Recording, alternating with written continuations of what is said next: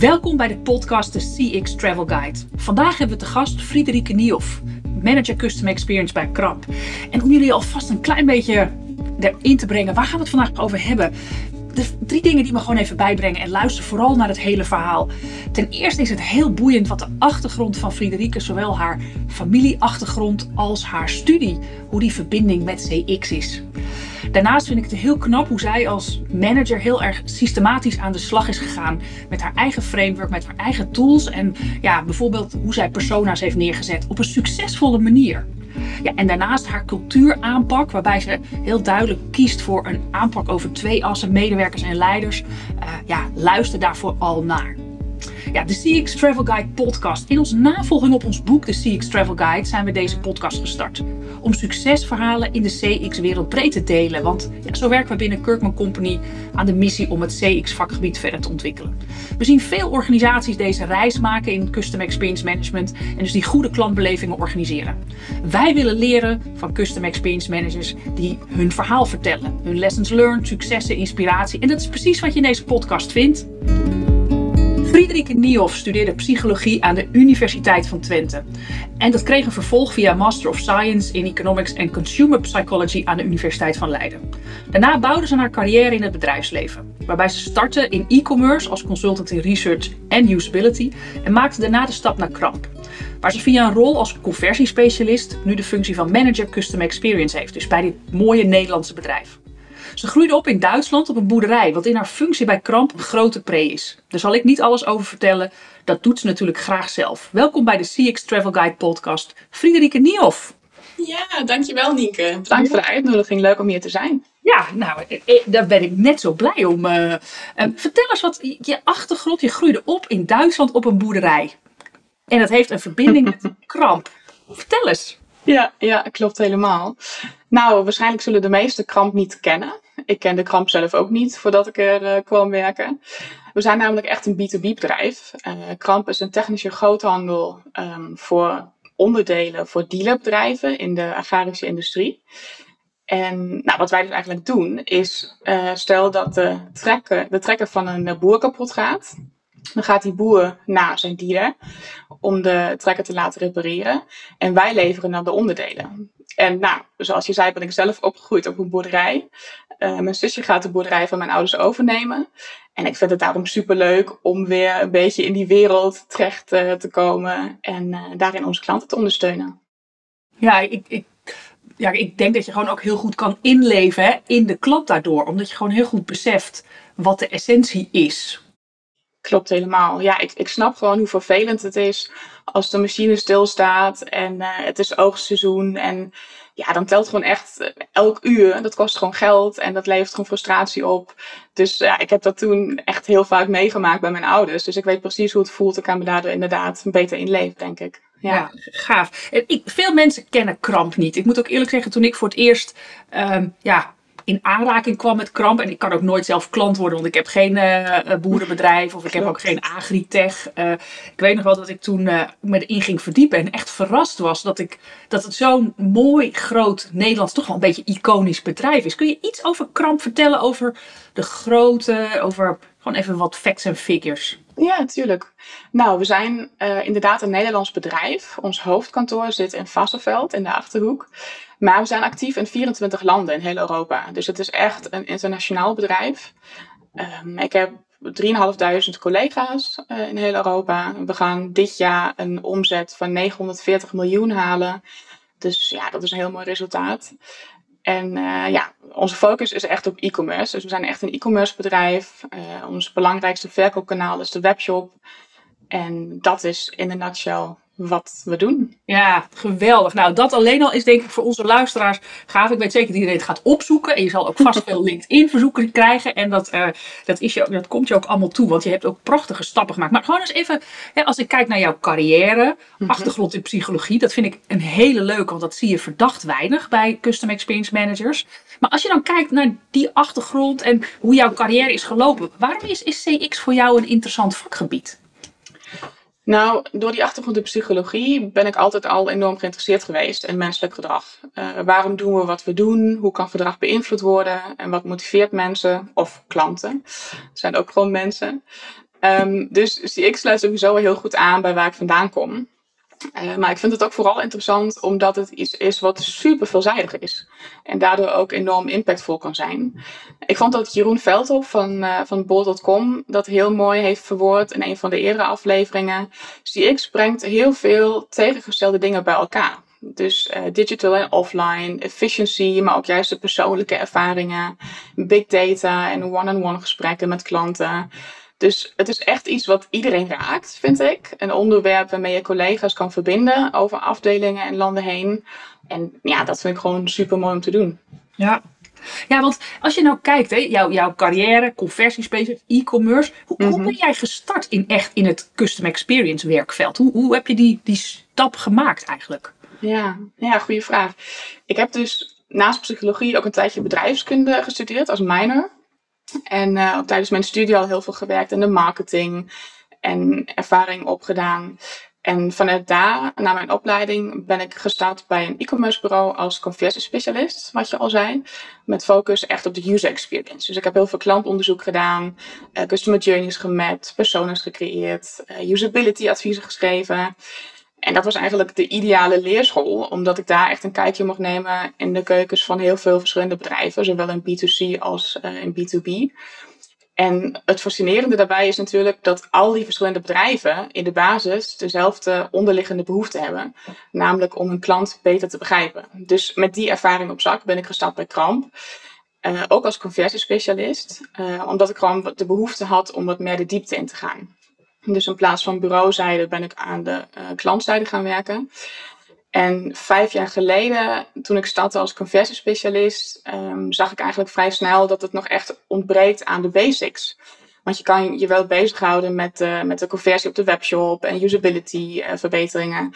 Maar je moet in de basis eerst goed begrijpen wie de klant is, wat de klantervaring is en wat je daarin kan verbeteren.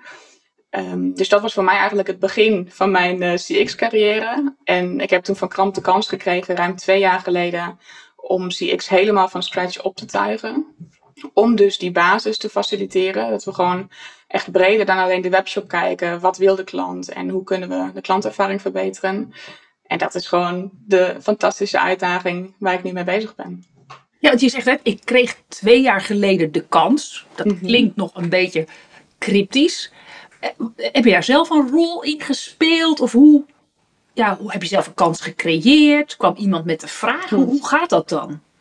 Het was een combinatie van factoren, denk ik. Um, het, is niet zo dat iemand zei, oh, we moeten iets met CX. Frederike, wil jij dat doen? Ik heb het denk ik wel voor een groot deel zelf gecreëerd. Door gewoon aan te tonen van, hé hey, jongens, we weten gewoon heel veel dingen nog niet van onze klant. Um, en wat me daarbij heel veel heeft geholpen, is uh, het inzichtelijk maken van de customer journey. Ja. Dat heb ik nog gedaan in mijn rol als conversiespecialist. En ook het beginnen met meten van klanttevredenheid. En daardoor ontstond eigenlijk een stukje urgentie en, en ook het begrip van, oh, oh ja, inderdaad, er zijn gewoon wat gaps en die hebben we nog niet inzichtelijk en daar moeten we iets mee. Dus vanuit daar heb ik gewoon ja, een plan van aanpak gemaakt en die voorgelegd bij de executive board. En uh, ja, die waren gelukkig super enthousiast. En toen uh, mocht ik starten. Ja, dat vind ik echt. Ja, we kennen elkaar wat langer. En dat vind ik heel krachtig aan jou als leider. Is je ziet kansen en je zet dat ook om in, nou ja, in, in een plan van aanpak of een, hè, een voorstel. En uh, ja, valide, of bouwt, ja, onderbouwt dat met feiten en, en inzichten. Mm. En je komt zo ook echt verder. En dat um, zeker ook als je kijkt, je was eerst natuurlijk een, toch een evangelistische rol. Hè? Je was eerst alleen. Mhm. Mm -hmm. En nu heb je zelfs een heel team. Klopt. Ja, we zijn nu met z'n vijven in totaal. Ja. Dus dat is uh, een beetje uit de hand gelopen, zou je kunnen zeggen. Nee, maar dat is gewoon superleuk. Um, maar om, om daar nog even op terug te komen, het is ook iets echt wat gewoon heel goed past bij Kramp in de basis. Dus het is ja. niet zo dat wij geen klantgericht bedrijf waren en ik ineens heb gezegd, we moeten dat worden. Zeker niet. Want we zijn gewoon van oudsher echt gewoon super klantgericht en ook innovatief. Um, toen Johan Kramp het bedrijf oprichtte, bijna 70 jaar geleden, stond de klant al uh, echt centraal. Hij ging op de fiets naar klanten, die dan heel makkelijk konden uitzoeken wat ze nodig hadden. Echt met zijn boekjes. Jaren later waren we de eerste in de branche die, een heel, uh, die het hele assortiment op een CD-ROM had. En daarna de eerste met een webshop. Dus we doen eigenlijk altijd al alles aan om het zo makkelijk mogelijk te maken voor onze klant. Um, ja. Maar ja, Kramp wordt gewoon steeds groter. We hebben nu meer dan 3000 medewerkers, zoals ik zei. En we staan daardoor ook steeds verder af van de klant. Er zijn steeds meer collega's die geen klantcontact hebben. Dus daardoor is die behoefte eigenlijk gegroeid. En inderdaad hebben we er nu een heel team op zitten die, die daaraan werken. Ja, als je, als je nu kijkt, hè, jouw rol en, en de rollen in jouw team, kan je daar iets over vertellen? Want dat vinden onze luisteraars heel interessant. Hè? Van hoe, hoe werkt dat nou? Zeker een, uh, een internationale context ook mm. nog. Uh, en ja, je bent met vijf mensen. Kun je daar iets over zeggen? Ja, tuurlijk. Nou, omdat ons hoofdkantoor in Vassenveld zit, wordt veel aangestuurd wel vanuit Nederland. Um, en wij zijn dus ook als CX-team met z'n vijven verantwoordelijk voor de visie, strategie en de uitvoering daarvan, daarvan voor, uh, voor heel Europa. Um, en de vier specialisten die ik dan in mijn team heb zitten, um, hebben allemaal een eigen, eigen focusgebied. Dus ik heb één, iemand die echt kijkt naar customer experience op het gebied van digital. Die de digital teams ondersteunt in hun reis naar meer klantgerichtheid. Iemand die dat doet voor de commerciële teams. En iemand die dat doet voor alle operationele teams. Dus dan moet je denken aan, aan logistiek, fulfillment, uh, inkoop en dat soort afdelingen. En dan hebben we ook nog iemand die echt volledig gefocust is op de voice of the customer. Dus die echt zorgt dat we alle uh, input, alle insights hebben die we nodig hebben, die de metrics in de gaten houdt, alle meetsystemen opzet. Dus dat is het team. Um, en nou, vanuit Nederland proberen we dat gewoon zo goed mogelijk te doen voor alle landen. Voor corona gingen we ook wel veel echte landen in. Om gewoon beter te begrijpen wat er speelt en ze daar te ondersteunen. Um, maar we hebben ook nog uh, meer dan 100 ambassadeurs voor Customer Experience. Die in de landen echt gewoon actief een rol op zich nemen om dat, uh, om dat te doen. Ja, ja. ja en uh, um, dat is natuurlijk zeker in een internationale context en in, nou, in een B2B bedrijf heb, heb je daar echt hele grote stappen gemaakt. Hè? En mm. over het ambassadeursprogramma. Um, wa waarom zijn jullie dat eigenlijk begonnen? Ja, nou, kijk, als we met z'n vijven vanuit Nederland um, ervoor willen zorgen dat het hele bedrijf klantgerichter wordt, dat, ja, dat is bijna onmogelijk. Uh, want wij zijn, nou, ik ben dan toevallig Duits. Iemand in mijn uh, team komt uit Polen. De andere drie zijn Nederlanders. Dus uh, met z'n allen spreken we aardig wat talen en kennen we wel een paar culturen. Maar het is natuurlijk heel beperkt. Weet je, wij, wij kennen de markt in Roemenië niet. Wij weten niet wat er speelt in, in Finland. Of hoe klanten in Spanje in elkaar zitten. Dus dat is gewoon niet te doen. En los daarvan willen we gewoon echt de cultuur veranderen binnen Kramp. Dus wij willen niet met z'n vijven een projectfabriek zijn die, uh, die met z'n vijven voor, voor verandering zorgt. Maar wij willen gewoon echt het hele bedrijf hierin meenemen. En je hebt verschillende theorieën over, over cultuurverandering en wat dan de tipping point is. Uh, sommigen zeggen 10%, anderen zeggen 25% moet je mee hebben. Maar dat is in ieder geval meer dan de 0,001% die wij nu uh, zijn met het team. Dus ook daarom hebben we het programma opgezet om gewoon de groep groter te maken. Die uh, in CX gelooft, die eraan werkt en die ook weer collega's mee kan nemen in die reis. Ja, en, en ja, wat voor rollen zijn, wie, wie zijn ambassadeurs? Wie kan dat worden binnen Kramp? Ja, nou, in principe kan iedereen een CX-ambassadeur worden. Uh, tenminste, iedereen die intrinsiek gemotiveerd is. Dat vinden we echt super belangrijk. Um, toen we ermee gestart zijn, dat was in begin 2019, uh, toen hebben we echt proactief mensen benaderd om te vragen of ze mee willen doen. En in de eerste lichting zaten bijvoorbeeld alle projectmanagers en businessanalisten, ons Lean Six Sigma team en collega's van sales en marketing uit de grotere landen. Omdat we daarmee direct heel veel impact konden maken. En ons doel was om in elk land minimaal één ambassadeur te hebben die lokaal verantwoordelijk is. Dat hebben we inmiddels bereikt. En het is zelfs zo dat we in sommige landen hele teams van CX-ambassadeurs hebben zitten. Dat is echt super tof. Die werken dan samen plannen uit en hebben regelmatig meetings om hiermee bezig te gaan. En uh, later zijn we ook gewoon juist meer gaan focussen op afdelingen zoals logistiek, inkoop, uh, maar ook IT en HR, om daar meer awareness te creëren. En begin dit jaar zijn we dan ook nog gestart um, met een training voor managers, waarin we ze opleiden tot customer-centric leaders, zoals wij dat noemen. Uh, zodat ze ambassadeurs beter kunnen ondersteunen. Dus ja, het is, het is echt voor iedereen. Bottom-up en top-down, internationaal, cross-functioneel een directeur kan ambassadeur worden, net zo goed als een logistiek medewerker. Kijk, Kijk, dat is wel. Um, en je zei, we hebben nu ruim 100. Als, als je mhm. kijkt naar het, het programma zelf, dus je hebt eigenlijk een, een tweedeling gemaakt: medewerkers en leidinggevenden, wat natuurlijk een, een slimme keuze is. Hoe, hoe, mhm. ziet een programma voor een ambassadeur, laten we gewoon even medewerker, hoe ziet dat eruit? Mhm. Nou, de, de reis als CX-ambassadeur begint eigenlijk met de CX Masterclass. Die bestond eerst uit twee dagen gewoon echt fysieke training in Vassenveld. Wat gewoon echt altijd fantastisch was. Want dan komen collega's uit heel Europa naar Vassenveld. En dan gaan we gewoon s'avonds ook samen uit eten. En het is gewoon een hele leuke, energieke training. En uh, nou, nu hebben we het gewoon iets meer opgesplitst. En geven we de masterclass volledig digitaal omdat we nog steeds gewoon al die mensen willen verbinden. We willen gewoon zorgen dat, dat er echt een community ontstaat.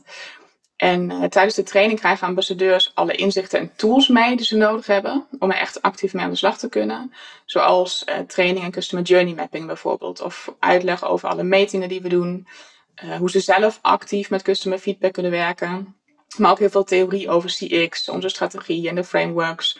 Dus dan worden ze helemaal ondergedompeld eigenlijk in, in kennis en tools. En vervolgens worden ze lid van onze CX community. En hiervoor hebben we echt een aparte omgeving in ons intranet, waarop we best practices met elkaar delen, elkaar inspireren en connecten. En uit de best practices is inmiddels ook al een dik digitaal boek ontstaan, wat we ons CX Playbook noemen, waarin we dan vervolgens weer alle ideeën en tips verzamelen en delen. Dus zo kunnen ook nieuwe ambassadeurs direct kiezen uit heel veel opties om het lekker praktisch toe te passen. Um, dus dat is eigenlijk het, het begin van de reis. En vanuit daar is natuurlijk dan de uitdaging om ze gewoon betrokken te houden. Ja. Gewoon te zorgen dat ze, dat ze aangehaakt blijven. Dus we hebben één keer per maand een digitale meeting van een uur. Waarin wij als CX-team nieuwe ontwikkelingen delen. Uh, maar ambassadeurs ook het podium krijgen om hun verhaal te delen. En als je ongeveer een jaar lang ambassadeur bent, krijg je een vervolgmasterclass die nog met de diepte ingaat.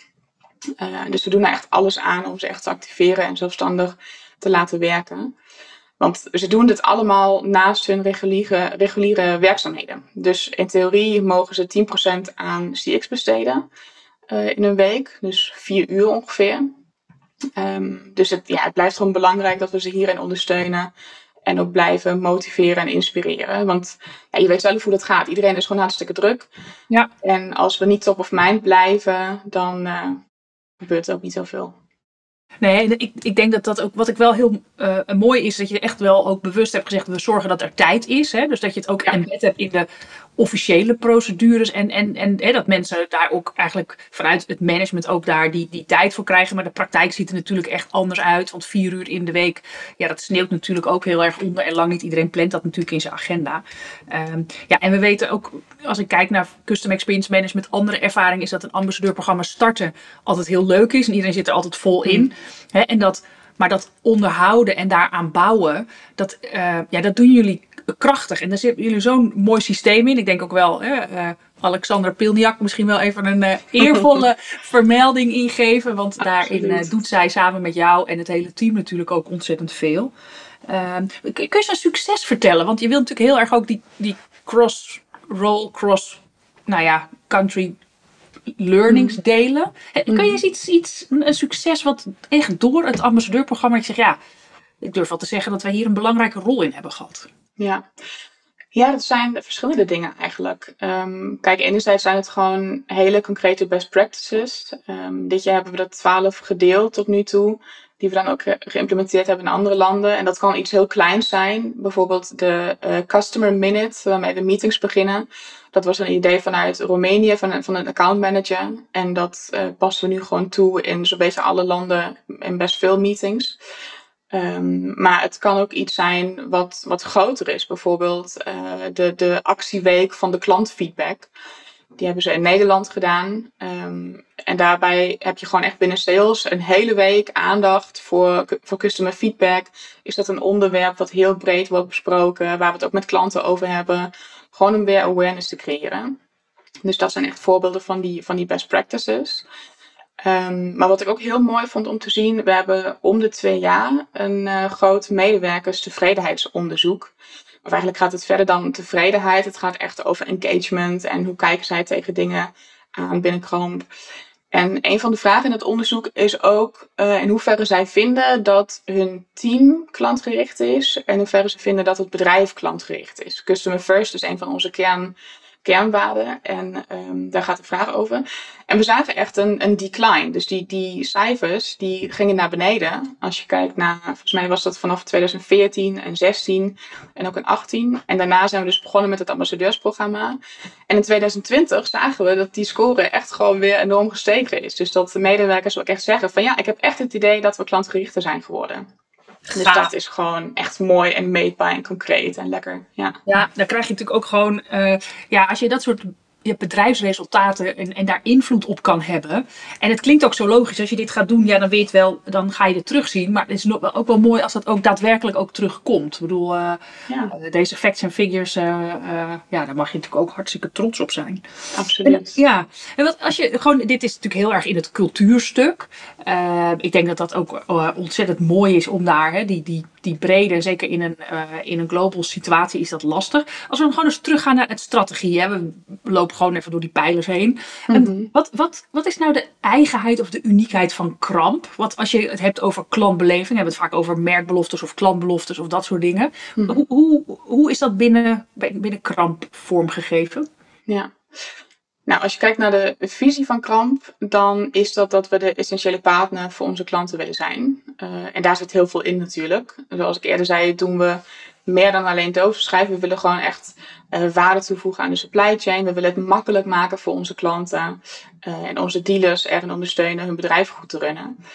Um, en daarom bieden we bijvoorbeeld trainingen aan in onze Kramp Academy. We bieden innovatieve business solutions om het werk van de klant makkelijker te maken.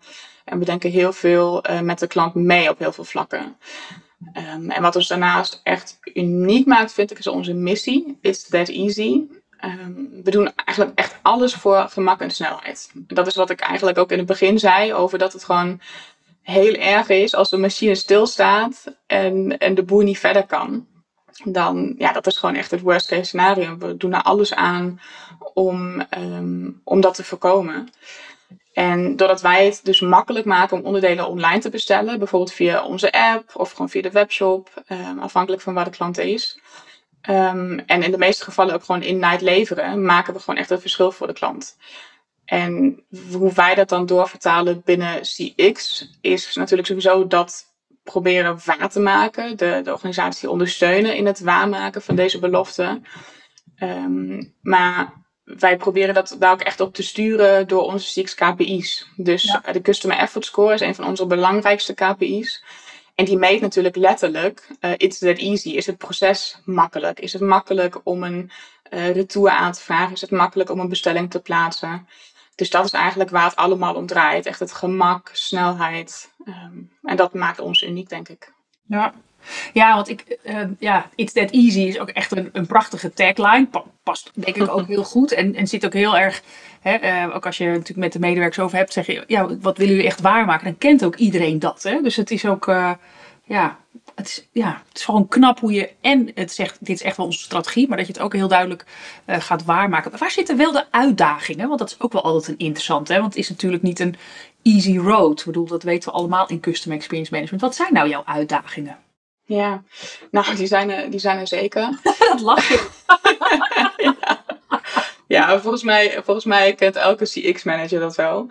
Um, het, weet je, in het begin zei ik dat het gewoon heel breed is. En dat het uh, eigenlijk raakvlakken heeft met zo'n beetje alles wat er gebeurt in een bedrijf. En dat maakt het ook lastig om echt focus te houden. Want uh, zeker in het begin, toen we CX hebben opgestart, ja, er, er waren zoveel kansen en zoveel mogelijkheden om, om mee te beginnen. En hoe hou je dan focus en hoe zorg je dat wat je doet ook echt impact heeft? Ik denk dat dat echt onze grootste uitdaging is, omdat wij dus zitten met al die landen, uh, met de verschillende culturen. Um, de landen hebben weer verschillende volwassenheidsfases. Um, dus ja, dat, dat, maakt het gewoon heel complex, laat ik het zo zeggen. Dat maakt het heel complex.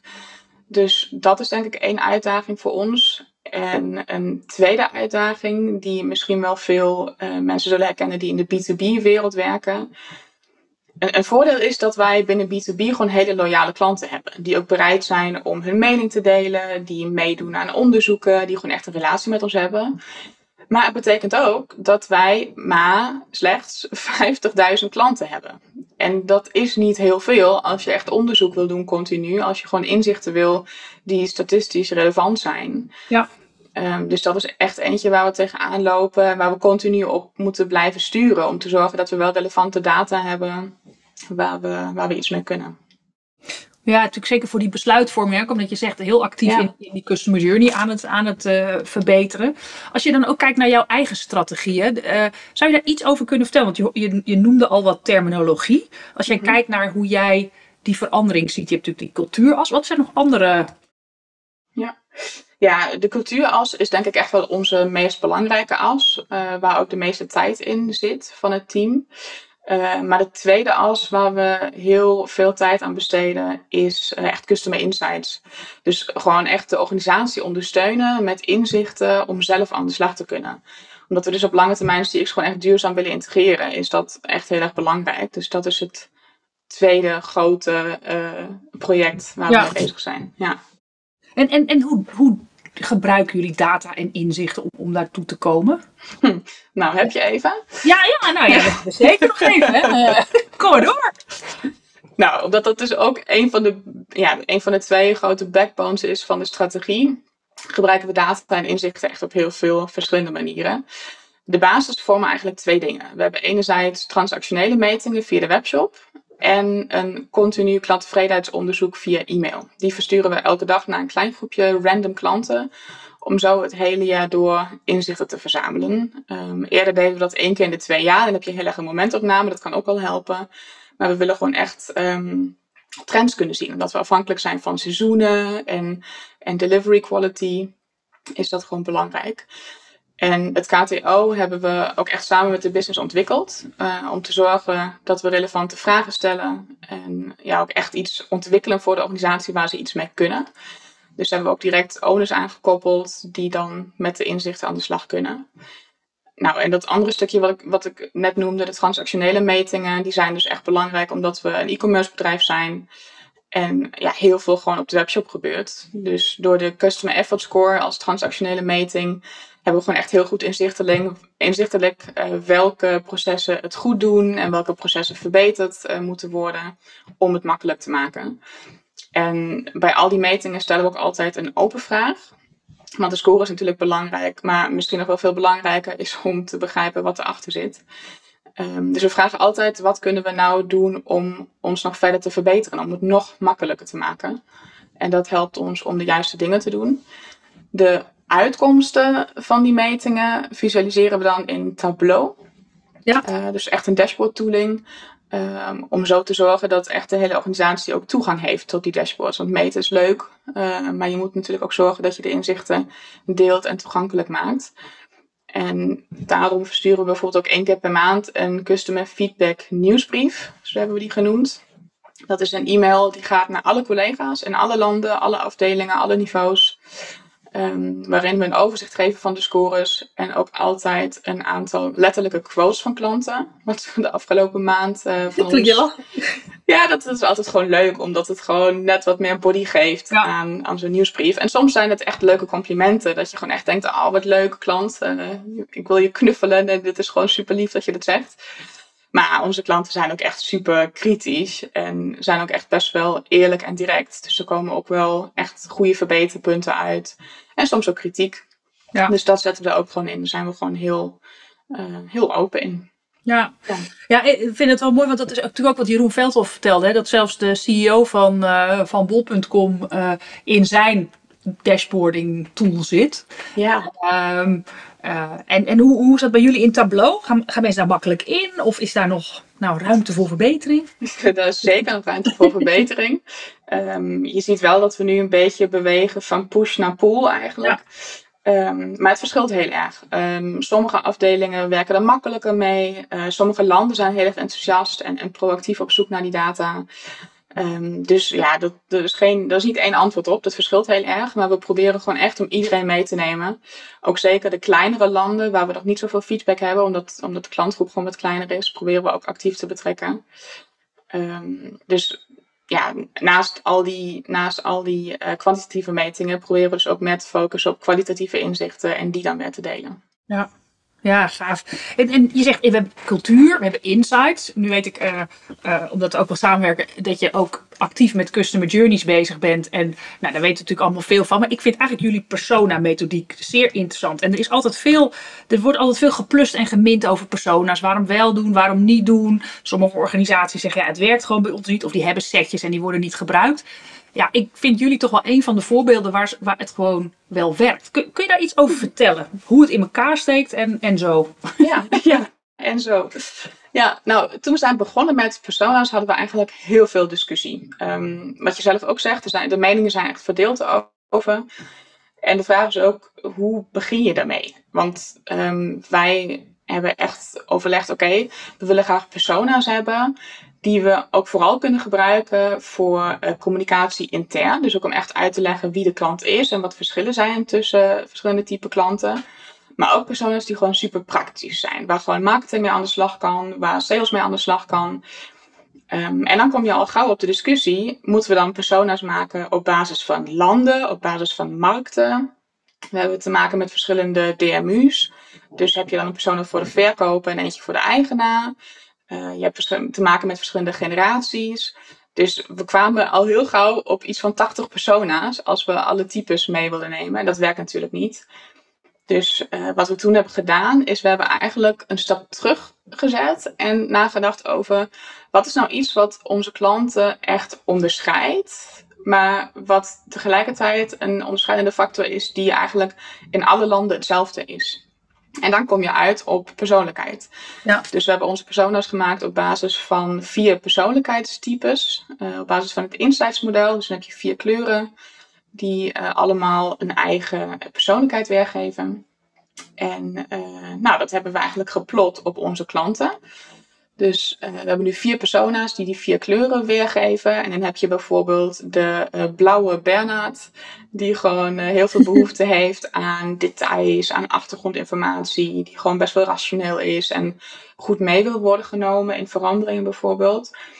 Um, maar je hebt ook de groene George, die veel meer zit op relatie, die gewoon echt een, een persoonlijke connectie wil met een bedrijf, die gewoon ja, gewoon een nachtje over dingen wil slapen. Die gewoon reviews heel erg belangrijk vindt.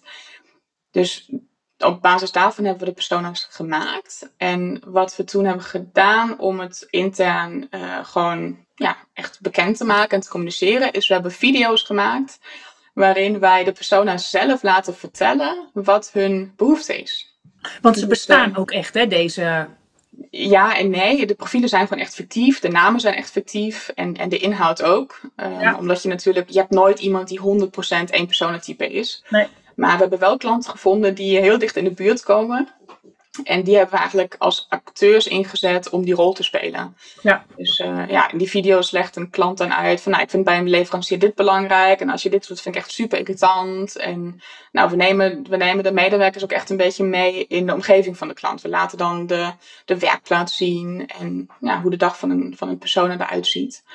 Dus dat is hoe we het hebben aangevlogen. En wat we nu doen om het lekker concreet te maken, is dat we in ons CRM-systeem een veld hebben toegevoegd. Echt op contactlevel, dus echt voor elke individuele klant. Om een persona te koppelen aan een klant. En uh, dat willen we op lange termijn op basis van data doen. Dus echt gewoon segmenten herkennen op basis van gedrag. Maar we hebben nu een begin gemaakt met een pilot waarin we onze accountmanagers en internal sales collega's hebben gevraagd om een inschatting te maken. Van, die, die kennen klanten gewoon heel goed, die hebben ze elke dag aan de telefoon. Um, en dan koppel je gewoon echt concreet klanten aan persona's. En dan wordt het gewoon ineens ook heel werkbaar voor marketing bijvoorbeeld om nieuwsbrieven te versturen die echt gewoon getarget zijn op zo'n segment. Dus ja, dat zijn eigenlijk de, de, twee assen. Enerzijds intern te begrijpen wie is de klant. En anderzijds gewoon echt lekker praktisch om het toe te passen voor marketing en sales om ermee aan de slag te gaan. Ja, en, en jullie gebruiken ze ook hè, in de, bij de ambassadeurs om ja, ook vanuit het Customer Journey Mappen, zodat ze ook niet vanuit zichzelf doen. Hè? Dus ja, dat ja, klopt. Ik weet wel, uh, ze staan ook in de kantine, hè? Of zijn ze... Ja, klopt. Ja, ze staan in de kantine. We hebben van die hele grote um, ja, kartonnen cutouts gemaakt. Uh, met hun lijfspreuk, die staat er ook op. Gewoon één zinnetje die gewoon goed samenvat wie die persoon is. Het is jammer dat er niemand meer in de kantine is, want iedereen werkt thuis. Maar uh, inderdaad, we proberen ze gewoon echt een plek te geven in de organisatie en te laten zien. En we laten trouwens ook alle ambassadeurs in de masterclass een test invullen. Om zo zelf beter te begrijpen welke persona je zelf bent. Of welke kleur dominant is in je eigen gedrag. En om zo inderdaad, wat je zegt, Nienke, om niet vanuit je eigen perspectief te kijken, maar gewoon echt vanuit die vier perspectieven naar een customer journey te kijken of naar een nieuw concept te kijken. Ja. Gaaf. Ja, en ik, ik zat daar ook nog uh, uh, over na te denken. Gebruiken jullie Insights? Hè? Insights Discovery is een manier, voor, misschien voor luisteraars die het niet kennen, is net als DISC en, al, en MBTI is een soort typologie. Gebruiken jullie dat intern ook in jullie leiderschapsachtige programma's? Ja, daarin gebruiken we het ook. En dat is ook een van de redenen waarom we het gekozen hebben. Omdat het gewoon leuk aansluit op wat er al is. Ja, ja. dat, is, uh, uh, dat zie je best wel dat mensen daar een beetje mee worstelen. En uh, in het boek The Effortless Experience, ik weet niet, ken je dat boek? Ja, ja, ja, zeker. Ja, daar gebruiken ze inderdaad ook typologieën een beetje zoals dat. Maar dat doen ze op de nou ja, en dat is natuurlijk uiteindelijk waar Insights ook uh, uh, op gebaseerd is. Maar ja. ik vind dat jullie een van de, de voorbeelden zijn waarin het, het persona-stuk echt goed werkt. En ook omdat, nee, de manier misschien, misschien wel waarop ze zijn vormgegeven, maar ook gewoon omdat het zo praktisch is. Dus uh, nou ja, dat zou voor veel bedrijven of voor veel custom experience managers best wel eens een oplossing zijn om er op die manier naar te kijken. Als je nu eens kijkt, hè, want hoe, hoe lang ben je nu bezig? Ruim twee jaar. Ruim twee, twee jaar. Wat, wat, wat vind je nou je grootste successen? Jij met je team? Hmm. Ik denk toch dat echt het ambassadeursprogramma misschien wel uh, ons allergrootste succes is. Um, daarmee hebben we echt ingezet op lange termijn verbeteringen. En toch plukken we dat nu al de vruchten van. Um, dus wat ik zei, we hebben dit jaar al heel veel uh, best practices uit verschillende landen en afdelingen weten te delen en te implementeren. En daar zijn we gewoon als team echt super trots op. Um, want ja, dat is gewoon waarvoor we het doen eigenlijk. Hè? Om met z'n allen de cultuur veranderen en impact te hebben. En dat die dan ook meetbaar is, dat is gewoon een mooi bewijs. Maar ik vind het aan de andere kant ook wel leuk om te zien dat de CX-scores echt verbeteren. Want ja, cultuurverandering is leuk en customer insights is leuk. Maar uiteindelijk wil je natuurlijk gewoon uh, kunnen zien dat het een effect heeft op je klanten. Dat je klanten iets van merken. Um, en onze NPS is in uh, die twee jaar dat we nu bezig zijn gestegen met 13 punten. Dus dat is denk ik wel een mooi resultaat. En een bewijs dat uh, hetgeen wat we doen, dat het werkt. En als kerst op de taart hebben we toevallig vorige week de International CX Awards uh, voor onze app gewonnen. Yay! ja, super cool. er staat echt uh, een, een, heel tof team op die, dat, die die app hebben ontwikkeld. En dat is gewoon een heel mooi compliment voor de manier waarop we werken, vind ik. Weet je, het gaat niet om, om zijn award, maar het gaat er wel om dat we gewoon laten zien dat de manier waarop we werken, namelijk gewoon klanten heel actief betrekken bij de ontwikkeling van nieuwe concepten, uh, zoals die app, gewoon actief vanuit de klant denken, dat dat gewoon echt waarde toevoegt en dat dat werkt. Ja, echt geweldig. Ik vond het heel jammer dat we er niet bij konden zijn, maar hij was precies gepland op onze masterclass. En ja, dan uh, ja. aan je eigen studenten door, dus uh, voor. dus dat. Maar ik vind het ook wel mooi, ik weet het is niet zomaar dat je deze overnight hebt gewonnen, hè, die International CX Awards. Want vorig jaar deden jullie ook mee. En ik denk ja. dat voor iedereen ook wel eens belangrijk is om te weten dat, ja, nou ja, het gaat niet altijd over rozen. Kun je daar nee. iets over vertellen? Klopt, klopt. nou, we hebben een jaar geleden ook meegedaan. En toen was onze case uh, het ambassadeursprogramma. Maar je zag gewoon dat we toen nog niet zo ver waren. Dat het gewoon tijd kost. Um, dat we gewoon echt tijd nodig hebben om aan te tonen dat het werkt. En nu lijkt het inderdaad allemaal superleuk. Uh, customer insights en cultuurverandering en de award gewonnen. Maar dat heeft echt veel tijd gekost. En we zijn er nog lang niet hoor. Er zijn nog heel veel, ook nog heel veel uitdagingen uh, die we nog moeten ja, zien op te lossen. Dus ja, het is gewoon echt een kwestie van geduld en gewoon volhouden. En uh, ook gewoon, gewoon kijken en testen wat werkt. Weet je? We zijn ook achter heel veel manieren gekomen die niet goed werken en dingen die we beter niet meer kunnen doen. Dus ja, het is gewoon een reis. Het is een reis. En wat ik wel mooi vind is, kijk, zo'n award, dat vind ik ook altijd wel interessant. Er zijn toch best wel veel custom experience managers die dan zeggen, ja, weet je, moet je dat dan doen? En wat, wat voegt zo'n award voor jou toe? Want ik denk toch, ik, ik, moet ik geloof er heel erg in dat zoiets ook intern een belangrijke stempel geeft naast natuurlijk het externe perspectief. Wat is de reden geweest waarom jullie hebben meegedaan? Ja, ja goede vraag. Nou, dit jaar heeft dus het uh, Kramp App team echt meegedaan Ja. ehm, met, met de case. Dus wij waren als team natuurlijk wel heel erg ondersteunend en we hebben meegewerkt aan de bijdrage en, en de alle input. Ehm, maar het werkt op twee manieren, denk ik. Enerzijds krijg je gewoon mooi positieve aandacht voor je product. Dus echt voor de app in dit geval. Dat is dan iets wat we lekker kunnen gebruiken voor marketing, ook naar klanten toe eh, en intern. Uh, maar los daarvan is het ook gewoon wat ik zei, een, een, leuke bevestiging, een mooi compliment voor de manier waarop we werken. En dat is gewoon, het, het, blijft toch wel belangrijk om dat verhaal gewoon te delen en om mensen enthousiast te maken. Weet je, als we onze community willen laten groeien, dan moeten we ook gewoon dit soort leuke, leuke dingen delen en gewoon af en toe goed nieuws brengen.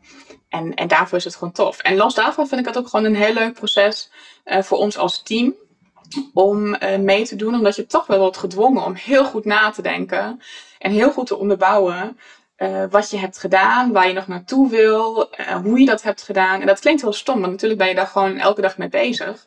Maar dat is toch wel zo'n moment waarop je dan toch met z'n allen gaat zitten en weer terugkijkt en alles op papier zet. En dat doe je anders niet zo snel. Je gaat anders gewoon echt door in de waan van de dag. En dit is gewoon een mooi moment om daarbij stil te staan. En ja, in dit geval om het ook te vieren. Ja. Nou, van harte gefeliciteerd. Het is jullie gegund. nou ben ik natuurlijk een beetje bevoorrecht, want ik ben een beetje een fan van Kramp. En ik vind het nog steeds jammer dat ik een klant bij jullie kan zijn. Een prachtig Nederlands bedrijf. Nou, daar mogen we gewoon, denk ik, als, als Nederlanders en uh, gewoon trots op zijn. En als Europeanen op zo'n mooi, op zo'n mooi uh, bedrijf. Ik wilde het net ook over ja, je successen. Daar zit natuurlijk ook, als je nou learnings moet noemen in jouw journey als manager customer experience. Wat zijn nou echt belangrijke learnings? Ja. ja, ik denk dat heel veel al voorbij kwam. Dus misschien is het een ja. beetje een herhaling. Maar Oh, geduld, geduld blijft gewoon een ding. Geduld is gewoon super belangrijk. Um, en geduld heeft natuurlijk heel veel vormen. Maar het is ook belangrijk om de organisatie gewoon goed mee te nemen en te betrekken in alles wat je doet. Want voor ons lijken dingen vaak heel logisch en voor de hand liggend. Um, maar voor de rest van de organisatie niet. Dus ja, het is gewoon belangrijk om het niet als iets losstaands te zien, maar echt als iets van het bedrijf. En dat hebben we ook niet altijd goed, goed gedaan, moet ik eerlijk zeggen. Uh, waardoor sommige dingen moeilijker waren dan ze hadden moeten zijn. Uh, want juist door mensen er op tijd bij te betrekken, zorg je voor draagvlak en weet je zeker dat je de juiste dingen doet die aansluiten bij de organisatie. En ja, als ik heel erg voor mezelf persoonlijk spreek, dan is het gewoon iets wat ik heb moeten leren. Want uh, ik ben gewoon echt super enthousiast over customer experience. Ik geloof er heilig in. Ik ken alle in- en outs. Ik ben er de hele dag mee bezig. En dan vergeet je gewoon snel dat niet iedereen zo denkt. En dat niet Ja. iedereen uh, snapt waar je het over hebt. En de KPI's moet je duizend keer uitleggen. Dus ja, geduld en, en mensen meenemen. En uh, nou, waar we het helemaal aan het begin over hadden, focus is gewoon echt cruciaal. Niet alles willen doen. Gewoon echt focussen op hey, wat past nou bij de prioriteiten van het bedrijf, bij de strategie.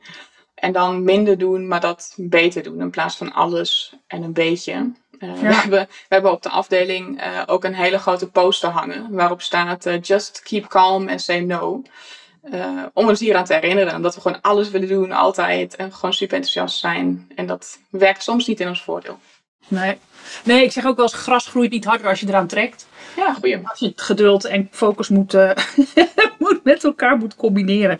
Nou, Ja. ja. dat zijn belangrijke learnings. En dat zal natuurlijk altijd zo blijven. Zeker als je zo gemotiveerd en een doorzetter bent. Misschien nog een beetje meer, beetje, nog een klein beetje CX-inhoud. Mhm. Ehm, we zien natuurlijk zeker als je kijkt naar governance, is hoe krijg je nou de buy-in van management? Hè? En dat is toch voor veel CX-managers altijd wel een uitdaging. Hoe doe jij dat? Je hebt natuurlijk aan de ene kant ook het leiderschapsprogramma, maar als je meer kijkt Mhm. naar de board, hoe, ja, hoe maak Ja. jij die verbinding? Ja, ik vind dat altijd een moeilijke vraag, omdat um, het bij Kramp relatief makkelijk was. Om, omdat de board al heel erg gelooft in klantgerichtheid, heb ik nooit echt een heel groot gevecht moeten voeren.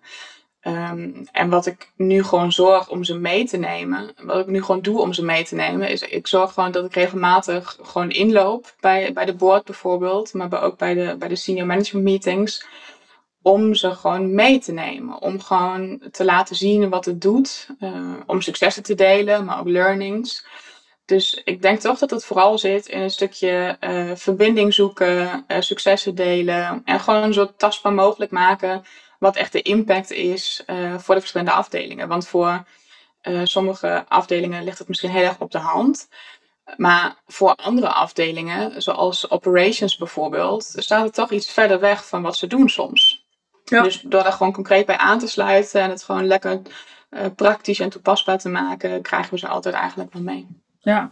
ja, en toch, je doet het een beetje makkelijk voorkomen. Ehm, dat komt misschien omdat het ook jouw natuur is. En dat het voor jou heel logisch is. Maar regelmatig inloopt. Ik denk, je kan niet zomaar een boardmeeting inlopen, toch? Nee, nee, klopt. Je, Nee. Moet, ja, je moet natuurlijk wel zorgen dat je op de agenda staat. Kijk, En, kijk. en, en inderdaad gewoon lobbyen. Ehm, en gewoon zorgen dat je een goede sponsor hebt in, in de organisatie. En Ja. eh, bij ons is dat eh, onze CDO, onze Chief Digital Officer. Eh, die is ook mijn directe leidinggevende. En ja, die gelooft er gewoon heilig in. Dus die ondersteunt mij daarin ook heel goed om dat, om dat voor elkaar te krijgen. Maar uiteindelijk is het echt een team effort van de hele board. Die gewoon echt, ja, customer first. Toch echt als kernwaarde hoog hebben zitten. En, Ja. Ja. Ja, ik, ik, ik herinner me wel, vorig jaar had je wel een, een, een soort actie. Waarin, en ook om het gelijk heel praktisch te maken. Hè, Mhm. Waarbij jullie hebben ook één keer in de zoveel tijd een soort management meeting. Ja. Ehm, en toen Ja, heb je ook echt iets gevraagd. ja, klopt. Klopt. Ja, Ja, nee, ja, dat soort dingen vergeet ik allemaal. Kun je nagaan, er gebeurt zoveel. niet. Nee, nee nou, meerdere dingen. Wat we, wat we doen eh, op de management meeting, die vindt elk jaar in januari plaats. Waarbij dus alle 150 managers ehm, bij elkaar komen. Nou, volgend jaar voor het eerst digitaal, maar anders altijd in Papendal. Waarbij we dan in drie dagen gewoon eerst terugkijken naar wat we gedaan hebben en dan vooruitkijken. Dus dan heb je iedereen bij elkaar. En eh, wat ik elk jaar probeer te doen, is om klanten erbij te betrekken. Dus eh, de afgelopen twee jaar hebben we echt een eh, klantenpanel gehad. Een soort van klantenforum. Waarbij we de klanten op het podium hebben gezet. En gewoon hun verhaal laten vertellen. ehm, met alle managers erbij. En de managers konden dan ook vragen stellen. En we hadden niet alleen maar dealers, maar ook boeren daar aanwezig. Dus, dus dat hielp. Ehm, maar ik heb bijvoorbeeld ook toen ik een eh, jaar geleden, waren we precies één jaar onderweg. En eh, toen heb ik echt eh, iedereen gevraagd om een vlog op te nemen.